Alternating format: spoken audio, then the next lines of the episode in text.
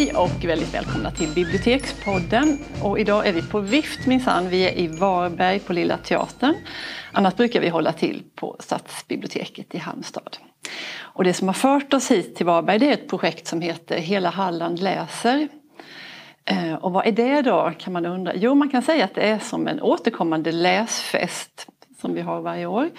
Eh, och den arrangeras av Hallandsposten, Hallands Nyheter, Kultur i Halland och, ej att förglömma, eh, biblioteken runt om i Halland.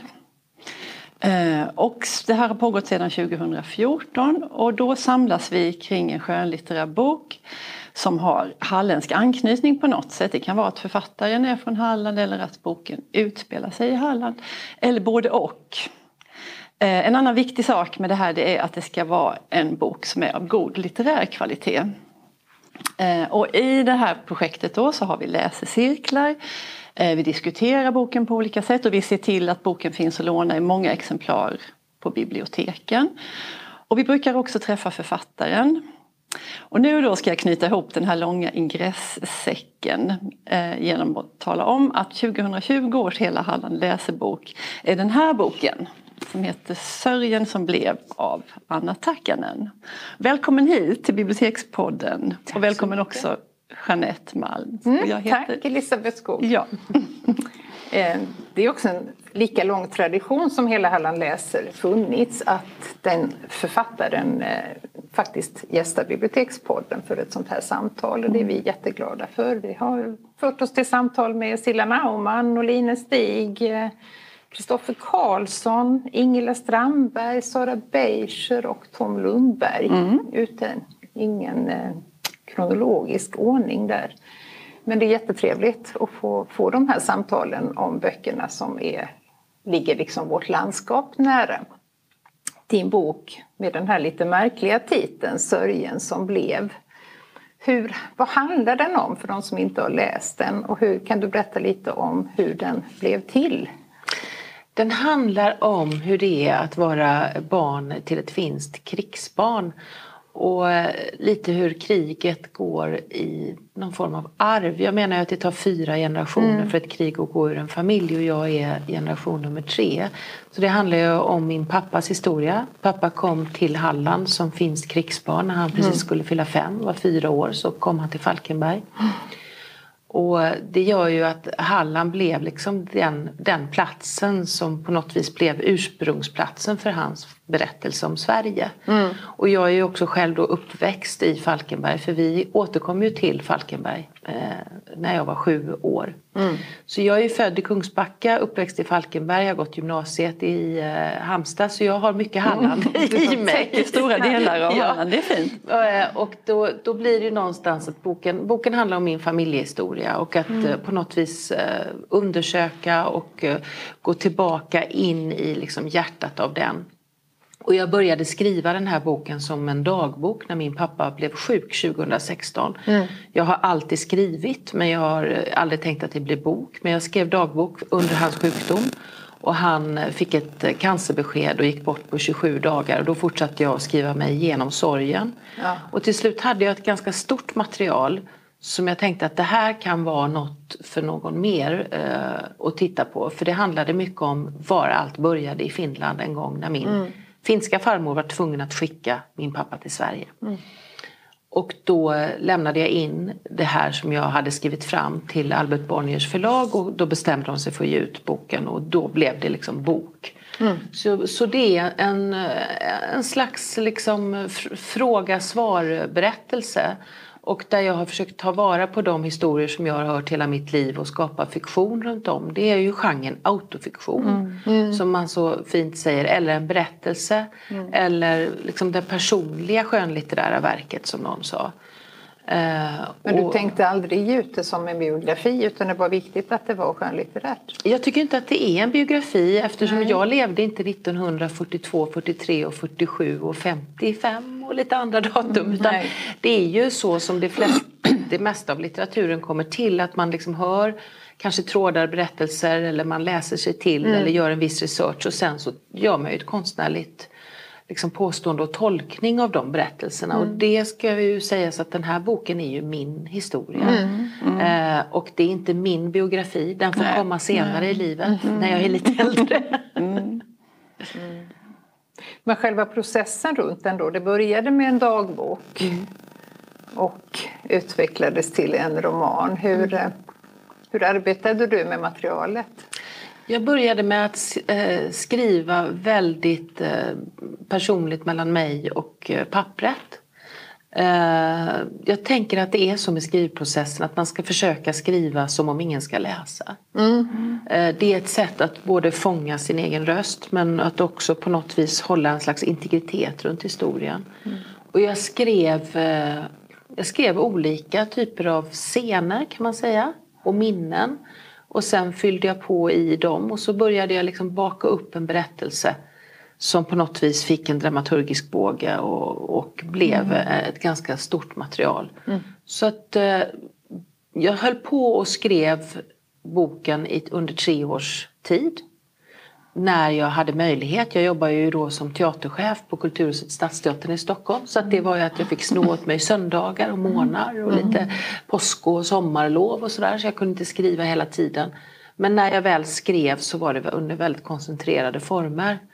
Och sen när jag tyckte att eh, det började hända någonting då får man ju på förlagen, de här stora förlagen också fantastiskt liksom, stöd från redaktör och Ja, så. det är Så- fortfarande. Ja, absolut. Så att det finns liksom en stor genomläsning. Och Sara Nyström och Anna Andersson på Bonniers var också väldigt liksom aktiva i att ge mig liksom feedback. Och man går vidare hem och skriver tillbaka och sådär. Så att eh, jag ville skriva den i en del som är liksom det historiska. Det som jag själv då inte har varit med om. Som handlar mycket om min finska farmor, min svenska farmor och min pappa och pappas bror Levi. Separationen helt enkelt. Och sen så den delen som är mer samtid och nutid som handlar om mig själv. Och, eh, och att det skulle också vara lite olika ton var viktigt för mig i de eh, olika berättelserna. Och sen självklart med en, en grund i eh, den här frågan, liksom, vad, vad händer när allting eh, liksom blir något man inte hade trott?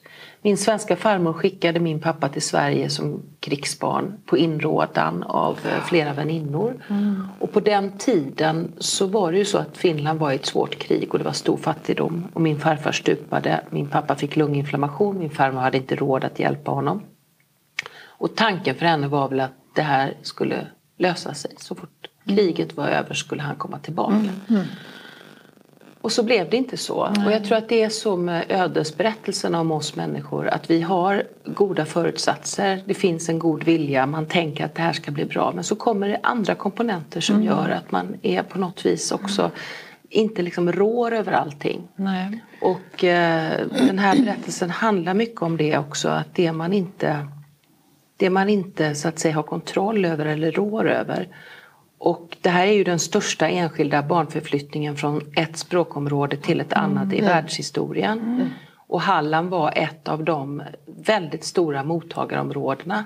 Och man hade ju utanför Halmstad just eh, eh, eh, friherrinnan Hermelin som var en jätteviktig person och nyckelperson i Halland kring barnförflyttningarna.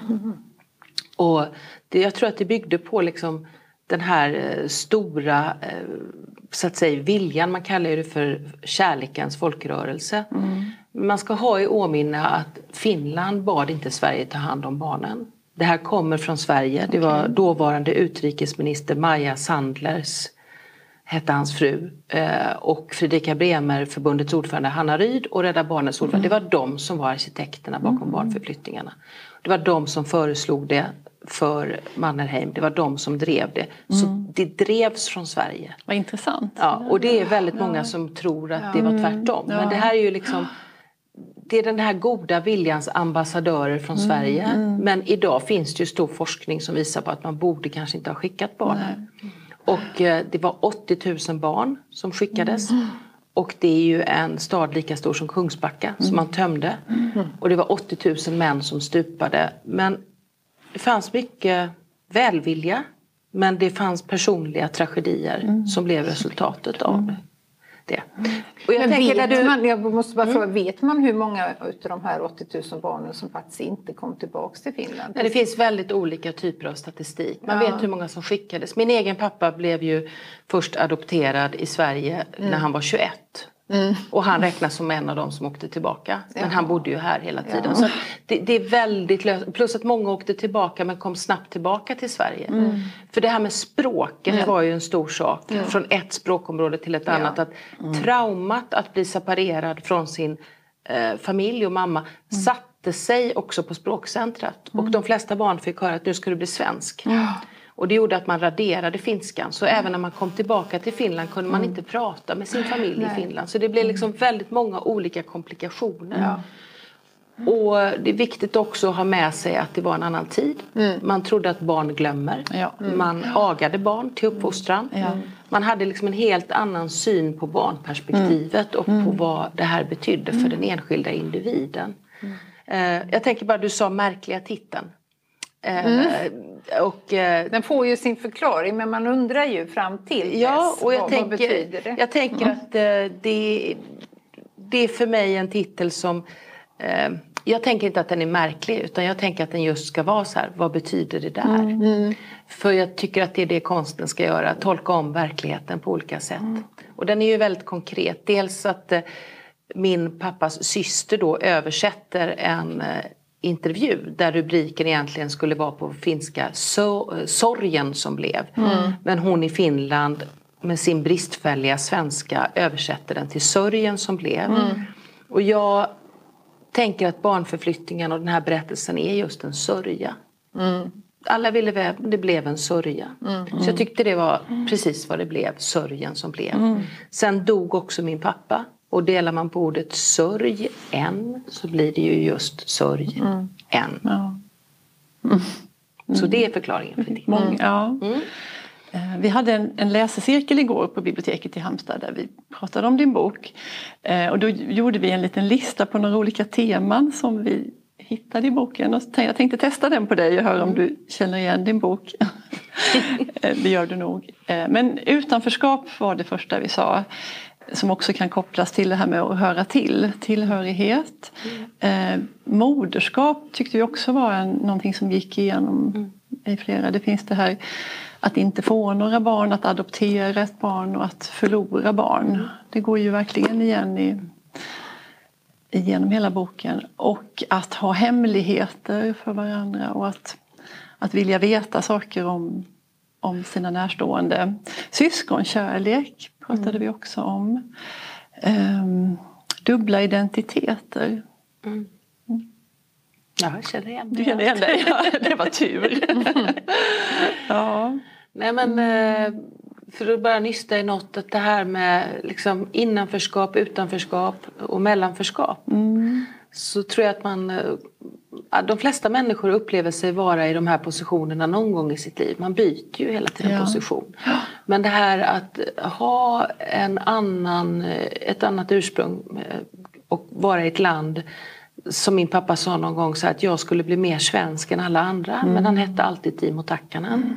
Mm. Mm. Ehm, så att någonstans så fanns det alltid någonting som gjorde att det skavde mm. Eh, med, någonting annat. Som också gjorde hans kanske liv och person rikare. Eh, att ha flera identiteter som jag brukar säga. De flesta mm. människor mår ju väldigt bra av mångfalden mm. Eh, i varandras liv och i sina egna liv. Så att det här mellanförskapet, det tror jag är det här att man har fler, att man, liksom, man böljar mellan olika och det känner jag ju mm. själv igen mig i. Mm. Jag har ju vänner som är barn till krigsbarn som inte har finska efternamn för det är deras mödrar som har varit mm. krigsbarn. Mm. Och de blir ju aldrig påminda utifrån Nej. om sitt finska arv. Mm. Men jag då som har min pappa som krigsbarn och mm. fick eh, namnet Takkanen, jag har ju fått alltid klart för mig att jag har en finsk bakgrund. Mm. Hur stavas det? Är du finsk? Ja, just det. Så här. Och det här eh, mellanförskapet är ju någonting som jag försöker på något vis mm, hålla på med. Men det bygger också på att inte vara hemma i sin ursprungsfamilj. Mm. Vad händer när man rycks ifrån den? Och det är ju mm. inte bara pappa i boken utan det är flera andra. Mm. Eh, och hur mycket det också skapar en otrygghet och eh, kanske att det här rummet av att få höra till är en av de stora temana i varje människas liv. Att vara mm. behövd och höra till. Och som en finsk, nej förlåt, en svensk fosterfar hade sagt i en intervju som jag läste så hade han sagt så här till en, eh, ett krigsbarn att man sa till oss att vi inte fick älska er men hur skulle vi kunna ha låtit bli? Mm. Och det fanns väldigt starka liksom skrifter och så som jag har läst att ni får inte älska de finska barnen. Ni får inte utveckla känslor för dem för de ska tillbaka mm. till sin ursprungsfamilj. Och självklart för det föräldraskapet som handlade om att vara fosterförälder och känna att jag får inte utveckla känslor. Det måste också ha skapat, apropå mellanförskap. Och jag tror att eh, jag har haft några som har läst boken som inte har alls har någon finsk bakgrund utan som just är fosterbarn eller har varit mm. adopterade eller är mm. adopterade. Mm. Och de säger till mig så här, den här boken handlar om det. Mm. Den handlar om adoption att, mm. Mm. eller att vara adoptivförälder. Och det här mellanförskapets kluvenhet, att man liksom aldrig riktigt överbrygger det. Eh, och jag tror att eh, det är också den där frågan varför skickade hon bort mig? Mm. Som min pappa fick svar på först när han var över 50 när han fick just tillgång till några hemligheter. Och de hemligheterna var ju brev som hade skickats mellan min finska och svenska farmor och de låg väl gömda i en garderob i hattaskar. Mm. Och han hade vetat att det skickades brev. Mm. Han var medveten om att det hade liksom ut kort och julkort men inte de breven som handlade om just moderskapets Nej. smärta. För min svenska farmor Alma Bengtsson kunde ju inte få egna barn. Och hon sa också någon gång så här, men han var väl min, det var ju jag som hade fostrat honom. Mm. Och den här liksom eh, att den svenska, min svenska farmor och min finska farmor, på något vis hade de inte honom fullt ut, någon av dem. Nej. Och vad betydde det för dem? Vad betydde Nej, det för precis. honom? Uh, jag tror den här slitningen i uh, just tillhörigheten. Mm. Och uh, kvinnornas roll. I Sverige har man idag krigsbarnens dag. Och den är på hösten. Och det är någonting som man firar. Jag har varit själv på finska ambassaden och mm. pratat eh, mycket. Men i Finland har man fortfarande inte krigsbarnens dag och man har inte heller eh, krigsänkornas dag. Man har hedrat männen och mm. veteranerna väldigt mycket. Mm. Man har pratat mycket om också i Sverige de männen som åkte över mm. och stred för Finlands sak. Men det här med barnperspektivet och kvinnornas tror jag enorma förlust. För mm. många kvinnor i Finland förlorade ju både sina män och sina och barn. Sina barn. Mm. Så det här liksom med moderskapet tycker jag ligger också i det moderskapet som inte blir så att säga eh, det lyckliga moderskapet Nej. utan ett längtande och ett eh, mm törstande mm. och ett åtråvärt moderskap mm. som inte riktigt liksom blir som man har tänkt sig. Nej, och som kanske inte riktigt räknades lika på samma sätt heller. Nej. Jag tänkte på det du sa, det där att de inte fick älska barnen. Liksom så mm. konstigt. Jag tycker den scenen är väldigt fin där när, när han kommer till Falkenberg och möter honom på stationen och när, mm. här, den här längtan efter en mm. familj och när de cyklar iväg så mm. tycker jag den Ja, den, är så, den andas så mycket hopp och så mycket Idag är det ju så att det är många i Sverige som är adoptivföräldrar som inte kan mm. få egna barn. Mm. Och när vi pratar den här tiden på 40-talet mm. så kunde man ju inte adoptera barn. Man kunde ju bli fosterförälder. Mm. Men det var ju väldigt ovanligt så vad jag förstår så är det ju många som blev fosterföräldrar till de finska barnen som just var barnlösa. Mm. Det var ganska vanligt och det, att det fanns ett enormt hopp i det. Mm. Men också som en kvinna sa till mig på ett samtal på ett bibliotek i, i eh, Partille var det. Så sa hon så här att jag fick en finsk syster när jag var sex, hon var ensambarn. Mm. Eh, och när jag var tolv så vaknade jag en morgon, då hade de skickat tillbaka henne och så hade de mm. rivit all kontakt för mina svenska föräldrar. De ville inte att jag skulle sakna henne. Nej, nej, och jag har ägnat ett liv åt att försöka hitta henne. Oh. Och då tänker jag också, det var ju många mm. nya syskonrelationer mm. som liksom blev en del av den här berättelsen mm. i Sverige. Mm. Och även har jag hört om några då som blev fosterföräldrar. Eh, bland annat fick jag höra en väldigt stark berättelse om en kvinna just, just här i Halland som aldrig kom över att hon fick skicka tillbaka det barnet efter sju år. Hon hade inga egna barn. Så jag tror det blev liksom många separationer som mm. blev ofrivilliga. Och det här är ju det här som vi kallar för familjehemligheter. Jag tror att familjehemligheter är alltid smärtas, smärtans hemligheter. Att det som är roligt det vill vi gärna berätta och vet du det hände och sen hade vi det där. Och, men, men det som, som är traumatiskt eller gör väldigt ont eller så det, det hjälper vi med varandra med att skydda och det är inte fel. För det är också ett livsskydd i att ha respekt för det. Men jag tror att eh, det där som liksom just går i arv det är de här hemligheterna. Och det är de man blir liksom som en drake och vaktar tillsammans och skyddar. Och så blir man på ett sätt det här ordet medberoende med hemligheterna. Och det bygger ju all dramatik film, Men du berättade om ett sånt starkt möte i ditt sommarprogram eh, med en man som hade kommit och lyssnat på dig på mm. ett författarframträdande mm. som var just ett krigsbarn mm. och ingen hela sitt liv hade han hemlighållit det. Mm. För skammen på något sätt var så stark. Och det mm. känd, han hade ju verkligen ingenting att skämmas för. Men han, han, du var den första han berättade mm. för. Visst var det så? Mm. Ja, och han, han sa ju det att ingen i hans... roman mm. och sen hade han slängt den för han ville inte att någon skulle hitta den och på så sätt lägga ihop två och två. Jag blir så otroligt berörd av den berättelsen. Tänker jag. Det måste ju varit så förlösande att äntligen kunna få berätta det och sen kanske i förlängningen för sina anhöriga? Det vet ju inte du. Nej, jag vet inte det. Jag kan bara hoppas det. Mm. Eh, jag tror ju att det är så här att eh, vi i andra generationen så att säga eh, vi är de som formulerar berättelsen och pratar om det. Mm. Och det vet man ju bara med förintelseöverlevarna att det finns många som har varit barn till förintelseöverlevare ja. som har börjat mm. prata om det eller göra konst, skriva böcker om det. Så jag tror att det är så att att eh, familjeberättelserna går vidare och någon gång måste de få berättas. Mm. Och när det gäller honom, den här mannen jag talade om, så vet ju inte jag alls om det var eh, någonting som ledde vidare för honom. Nej.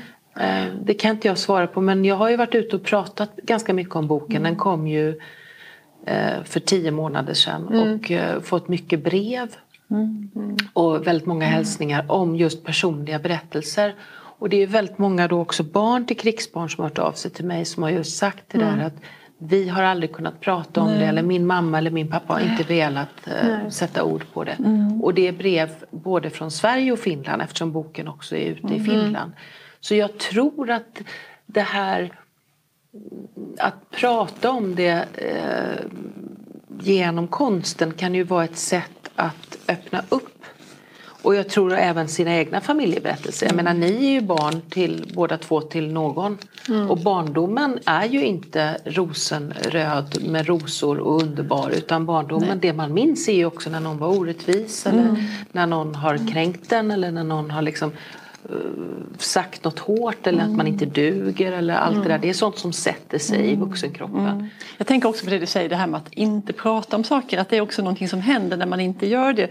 Att hur saker kan liksom växa och, och bli liksom jättekonstiga. När man inte bollar det med någon eller inte ventilerar det med någon eller delar det med någon. Så det kan leva det sitt eget liv inuti den och, och liksom få helt konstiga skepnader på något sätt. Så tror jag det. Skuggor. Ja. Men det är också någonting med den här internaliserade skammen. Eh, att aldrig räcka mm. till. Mm. Och där har ju vi människor en, eh, faktiskt en plikt att få varandra att känna att vi räcker till. Mm. mm. Men det är ju en underbar sak med romanen. Jag tänker att det måste ju kännas fantastiskt för dig. Och kunde du föreställa dig att den, att den skulle vara så förlösande för läsarna? För du skrev den ju för din egen skull till att börja med. Jag gjorde teaterföreställningen Fosterlandet. Mm. 2015 hade den premiär på Göteborgs stadsteater och den sågs av 80 000 människor mm.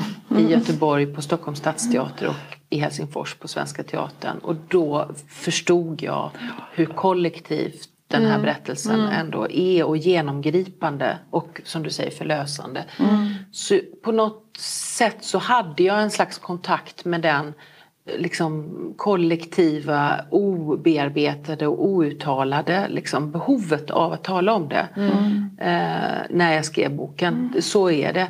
Jag hade inte det innan jag gjorde Fosterlandet. Jag är väldigt glad att jag fick den erfarenheten genom teatern som ju är, är liksom min grundprofession. Mm. Men de här breven jag har fått som har varit så just personliga eh, det kunde jag nog inte föreställa mig att jag skulle mm. få så mycket brev och också väldigt många har ju pratat om att de gråter mycket. Mm. Och, mm. Eh, och att mm. det är skönt också som någon kvinna sa att det är så skönt att mm. få liksom stänga dörren och lägga sig och mm. läsa boken och, och släppa fram sorgen. Hon sa jag har finsk bakgrund som hon skrev till mig.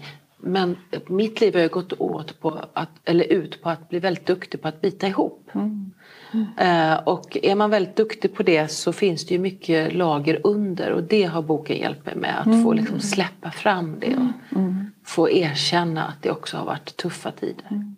Har det varit något jobbigt med, med den här responsen? Att du känner att du har något, det har du ju inte, inget ansvar mot någon annan men att att du kanske är den första och enda som de öppnar sig för. Är det något liksom besvärande med det? Eller det... Nej, det är det inte. Nej. Jag, jag, tänker nog att jag har ansvar mm. eh, på det sättet mm. att jag har ansvar för, som liksom medmänniska. Ja. Eh, att lyssna. Mm. Eh, för jag har ju jag har ju så att säga, som man ropar får man svar. Mm. Jag, jag har ju uttryckt någonting som, som skapar den här kontakten. Ja. Ja. Men eh, nej, jag tänker inte att det är jobbigt. Jag, jag tycker att det är så här med litteratur och med konst överhuvudtaget att det övar ju oss i att vara människor. Mm. Och jag tror att det övar, oss, övar vår empatimuskel. Mm. Mm, och ja. att föreställa sig att man är någon annan. Och jag menar jag kan läsa romaner som är från liksom, utspelar sig på 1700-talet som mm. självklart någon idag har skrivit eller i framtiden eller om andra öden, andra kön, andra åldrar, alla möjliga människor jag lever mig in i. Mm. Och det är ju det som är så fantastiskt att vi har en möjlighet att eh, leva oss in i varandras mm. öden Även de fiktiva ödena kan bli mer levande än de levande. Ja, ja, eh, och det är ju för att vi ska få känna saker. Mm. Att vi mm. behöver det. Fint. Ja, så är det ju. När jag läste, när vi har diskuterat den här boken så har jag också tänkt att det finns så mycket att prata om i den och det finns mycket många ställen sådär. Men jag har valt ett ställe som jag skulle vilja att du läste. Som jag tycker som föder så många tankar och så många allmänmänskliga och allmängiltiga frågor. Så jag tänkte mm. fråga om du har lust att läsa det? Absolut. Då är det sidan 199. Ja, ja. 199. Jag kan säga någonting bara ja. lite kort om omslaget som mm. underbara Nina Ullmaja har gjort. Mm. Eh, hon har ju en finsk bakgrund också. Mm. Det är att det finns en liten typografisk hemlighet här i omslaget. Det är det svenska nationaltypsnittet på framsidan och det är det finska på baksidan. Det här är sådana små Och finns det nationaltypsnitt? Står här, här vet du, nu på insidan av fliken så ser du liksom Svidensans Suomi handskrift och Finland. Alltså det är sådana små, små, små, små ja, saker ja, för den som är intresserad. Ja men det är ju jättekul. Och sen på baksidan också så är det ju en bild på min farmor, eh, min pappa och hans bror Levi. Mm. Eh, och det är sista bilden som togs innan farmor mm. skickade pappa för hon ville ha en bild på liksom, sig själv och den delen mm. av familjen som fanns kvar i mm. lånade kläder. Mm. Och det är också den enda bilden mm. som finns. Och då ser man ju hur ung hon var apropå mm. moderskapet. Eh, 199.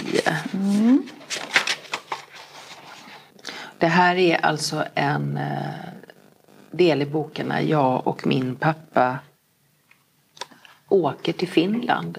För tystnaden var en stor del av mina frågor i boken. Att han vill inte tala om Finland. Vi åkte dit och vi kunde prata om det roliga men han vill inte prata om det som var svårt med Finland. Och jag försökte och här är jag 25 år och det är första gången som vi pratar om det här svåra med Finland. Vi har aldrig pratat om Finland på riktigt. Och nu ska vi det. Jag har en lapp i knät med mina frågor för jag inte ska glömma dem. Vem ska börja? Vart är vi på väg? Jag börjar med den frågan. Vart är vi på väg? Du vill ju veta. Så nu kör vi till gården där prästen kom med min pappas dödsbud. Vi kör dit. En vanlig gårdsplan med vajande björkar. Pappa berättar utan att se på mig. Han ser in i synen, återkallar minnet, lägger till och drar ifrån, pratar. Vi åker vidare. till gårdsplaner, sjökanter, bastustockar och han pratar. Jag avbryter honom.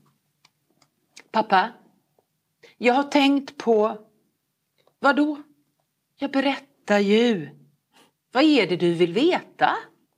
Ja, ganska mycket. Men jag har inte alla svar. Nej, men jag måste ju få fråga innan du avbryter mig så att jag vet om du kan svara. Ja, ja, fråga då.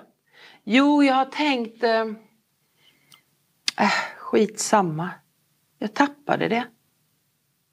Vi åker vidare till vägen där mjölkbudet hämtade honom. Till platsen då allt blev svart i Finland.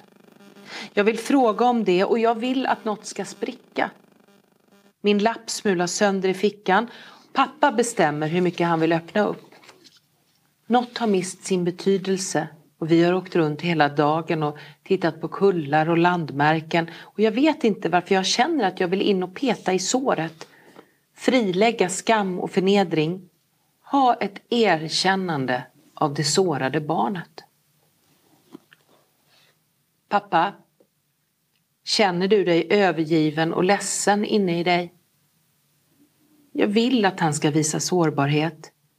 Men jag vill inte att han ska förlora ansiktet och blotta sig inför mig för det är kvävande och outhärdligt. Det är inte orden jag vill ha, inte meningarna utan meningen. Det måste finnas en mening. Han bromsar in tvärt och stenarna smattrar till mot plåten. Det blir vinddrag i bilen. Anna, det räcker för idag. Mm. Tack.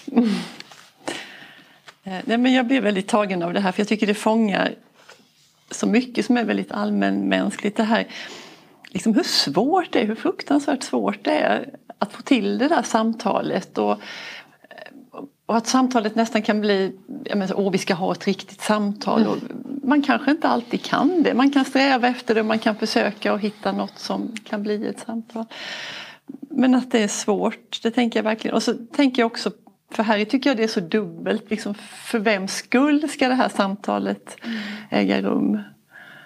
Um, Också att man sällan ser det beskrivet på det här sättet. För Nej. oftast är det ju samtalet, det är väldigt viktigt och det blir då förlösande eller också blir det inte alls. Men Nej. du, Anna, då i boken nås ju av den här insikten att men, han kanske ska få vara i fred. Det kanske inte är så himla viktigt att han sätter ord på det. Mm. Mm. Och just den här dubbelheten, liksom för vems skull ska det vara det här? Det är ett prövande. Mm. Det är ju så. Mm. De flesta samtal som är viktiga, att det är prövande samtal. Mm. Men eh, jag tror att det är så med livet. Det är, många saker blir inte riktigt som man har tänkt sig. Nej, det får nej. man leva med. Absolut. Mm. Och sen tänker jag också på det här att ofta så har man liksom idéer om sina föräldrar tycker jag. att, att man tror att man måste veta allting om dem. Att man mm. tänker att de har nästan inte funnits innan jag fanns. och har de det så vill man veta liksom allting om dem. Och det är också en omöjlighet. Mm. Så jag tror många kan känna igen liksom det här även om man inte delar den här speciella bakgrunden. Mm. Med. Så, så, finns det ofta gåtor som man kan vara kluvet intresserad av. Det kan ju vara en befrielse att läsa den här dialogen då. Mm. Där hon, du släpper det här och att det mm. liksom är mm. det får vara så. Mm. Jag tror också att det är det här att man ska ha rätt att ställa sina frågor. Mm. Och det måste var och en mellan sig själv och frågorna så att säga ta ansvar för. Mm. Men man har också rätt att inte besvara vissa frågor. Ja. Mm. Och det här är ju liksom den här balansgången i livet på något sätt. Mm. Men eh, för mig var det väldigt viktigt att ställa vissa frågor och det var viktigt att få svar och jag fick svar på många också. Mm. Jag är väldigt glad att vi gjorde den här mm. resan. Mm. Jag tror att det är det som är med familjehemligheter. Att jag sa ju det till pappa också att du måste prata med mig om Finland för Finland är också en del av mitt liv. Mm. Så att eh, du är faktiskt skyldig mig den så att säga, pusselbiten Finland. Mm. Och jag tror att det var en, en process i sig självt att så här, känna att den, som, som den här mannen på biblioteket jag beskriver att jag vill inte berätta det för mina barn för de ska inte ha det så som jag har haft det. Mm. Alltså tanken att berättar jag något svårt så, så kommer mm. det bli svårt för dig. Mm. Istället för att det är så här, berättar jag något svårt så kommer det att bli lättare för dig. För då förstår du varför jag kanske har varit liksom si eller så. Eller. Mm. Och att man inte kan veta riktigt. Man kan liksom inte ta ansvar i flera led för vad som skulle hända om jag berättade det här och det här. Nej, nej, nej. Så är det. får ju ge sig lite. Mm. Och det tänker jag är tråden i boken är ju också det här pappa varför pratar vi inte om Finland? Mm. Och alla har saker i, alla familjer är mm. övertygade om mm. som man inte pratar ja, ja. Vi ska knyta ihop den här lilla påsen nu med frågan. Nu har du ju avslutat den här och den har ju blivit en sån jättestor succé. Mm. Inte bara här i Halland. Mm. vad händer härnäst? Hur kommer du uttrycka dig? I vilken form och om vad? Jag, jag är ju skådespelare och regissör mm. och är en del av eh, den fasta ensemblen på Kulturhuset Stadsteatern. Mm. Så jag kommer gå tillbaka till scenen och spela och ja. jag kommer fortsätta att regissera. Jag ska göra regiuppdrag på lite olika teatrar. Mm. Och jag kommer att fortsätta skriva. Och jag tänker att det blir lite samma process som när jag gjorde den här boken. Att jag skriver på och sen när jag tycker att jag har något som någon annan ska få läsa då presenterar jag det och så får jag se om någon, eh, mina förläggare då om de är intresserade eller inte. Men eh, att eh, vara i liksom den skapande kreativa processen det, det är så jag har alltid levt mitt liv och jag fortsätter med det. Och sen när det gäller liksom teman så har jag ingenting som jag kan som man säger så här, prata om. Det är hemliga ja. saker. Man ska hålla om dem eh, för att de inte ska förlora sin laddning också. Mm. Eh, men eh, jag fortsätter liksom med att berätta berättelser. Det är det som jag tycker är det allra roligaste och mm. hoppas att någon då läser och Och vi vill tittar. läsa dem. Ja, tack. ja. Nej, men tack snälla för att du kom. Tack för att jag fick komma. Jag kan också säga det kanske att boken blir pocket. Mm. Och att den kommer ut nu 8 oktober. Eh, så kommer pocketversionen mm. av boken. Bra. Mm. Då säger vi tack för idag. Det gör vi. Ja. Tack Hejdå. själva. Hej. Tack. Hej då.